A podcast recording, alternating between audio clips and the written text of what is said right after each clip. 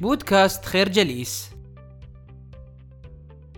السر الأول أطلق العنان للمارد بداخلك وأتقن فن رواية القصص. لابد من تحديد هدفك قبل أن تنطلق في عرض موضوعك أمام الجمهور.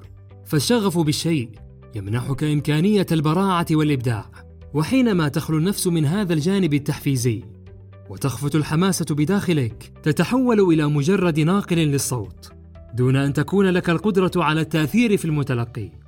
ولهذا يمكننا طرح التساؤل التالي. لماذا ينجح البعض في التأثير علينا؟ الجواب هو أنهم لا يمتلكون حلولا سحرية أو مهارات مستحيل أن يمتلكها الآخرون بل فقط لأن الشغف ينتقل بالعدوى حرفيا ولن تتمكن من إلهام الآخرين ما لم تكن ملهما لنفسك أولا أو تكون لديك الفرصة لإقناع مستمعيك. كما أن هناك شيئا آخر يشترك فيه كل خطباء تيد وهو أنهم ليس لديهم وظيفة بل لديهم شغف ونداء باطني للعمل. أما الجانب الثاني من السر وراء هذه الشهرة وهذا الحضور فهو أن يكون لديك الحافز والقدرة على امتلاك ناصية فن رواية القصص من أجل الوصول إلى قلوبهم وعقولهم. فمثلا براين ستيفنسون حظي بأطول حفاوة من التصفيق في تاريخ تيد. بسبب تخصيصه 65% من عرضه لعرض القصص. وتكشف مسوحات الدماغ أن القصص تثير العقل البشري وتجعله مشتركا. الأمر الذي ينعكس إيجابا على المتلقي. الفكرة الشغف بالشيء طريقك إلى البراعة فيه وامتلاكك فن القصة يجعلك تؤثر في جمهورك. السر الثاني تحدث بأريحية واكشف لجمهورك كل جديد.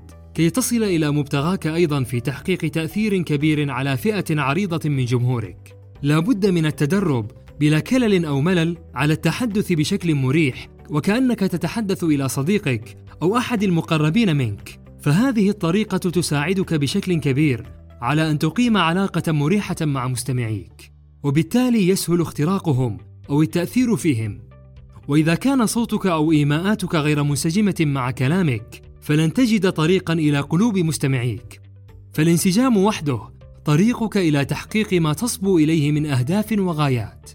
قامت أماندا بالمر بإلقاء عرض تيد حظي بأكبر قدر من المتابعة وأكدت على أنها عملت مجهودا كبيرا من أجل تحقيق هذا التناسب والانسجام على مدى أربعة أشهر متواصلة إضافة إلى الإعداد الجيد. والعمل المتواصل والشغف المطلوب. يحتاج الأمر أيضا إلى كشف معلومات جديدة إلى الجمهور الذي تتوخى التأثير فيه. وهذه المعلومات يجب أن تكون معدة بطريقة مختلفة ومثيرة لأن العقل البشري يحب دوما الجديد ويسعى إلى اكتشافه وسماعه. فكلما كان العرض مثيرا وجديدا كلما حقق الإثارة والتأثير المرجو منه فقد قال جيمس كاميرون في إحدى عروضه التي قدمها على منصة تيد بأن لولا اكتشاف بالارد للتايتانيك لما تسنى إنتاج واحد من أكثر الأفلام نجاحا لأن الفضول هو أهم شيء تمتلكه. الفكرة تحدث بشكل مريح وكأنك تتحدث إلى صديقك. واكشف معلومات جديدة إلى الجمهور الذي تتوخى التأثير فيه. السر الثالث اجعل الفك يتدلى وكن مرحا. جعلك الفك يتدلى مع جمهورك. من أعظم الأسرار التي تجعلك تمتلك زمام المبادرة فتؤثر بشكل فعال في المتلقي وتصل إلى قلبه وعقله بأسهل الطرق. وتكون هذه الألفة عندما يقوم مقدم العرض بتقديم لحظة تسبب صدمة أو تثير اعجابا بحيث يصعب على المتلقي الانفكاك منه أو تجاوزه لفترة طويلة. وقد نتساءل لماذا ينجح هذا السر؟ لأنه ببساطة يجعل الحدث مشحونا بعاطفة وحالة انفعالية شديدة التأثير. تؤثر في جمهورك وتجعله مجدودا لكل كلمة قيلت أو قد تقال. فمثلا كتب مدون في مجال التكنولوجيا جيتس يطلق سربا من البعوض على الجمهور فانتشر بسرعة على محرك البحث جوجل واجتذب الفيديو الموضوع على منصات تيد نسبا عالية من المشاهدة.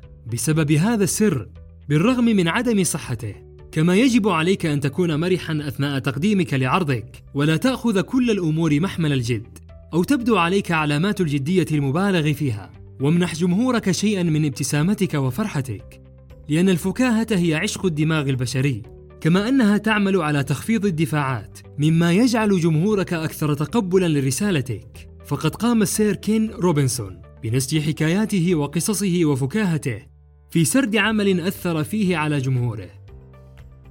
الفكرة اجعل الفك يتدلى وكن مرحا تؤثر في جمهورك. السر الرابع قاعدة ثمانية عشر دقيقة ورسم صورة ذهنية مع تجارب متعددة الحواس. كي يكون العرض جيدا يحقق فيه العارض أهدافه وغاياته بشكل مؤثر. يلزمه التمسك بقاعدة ثمانية عشر دقيقة. فماذا نعني بذلك؟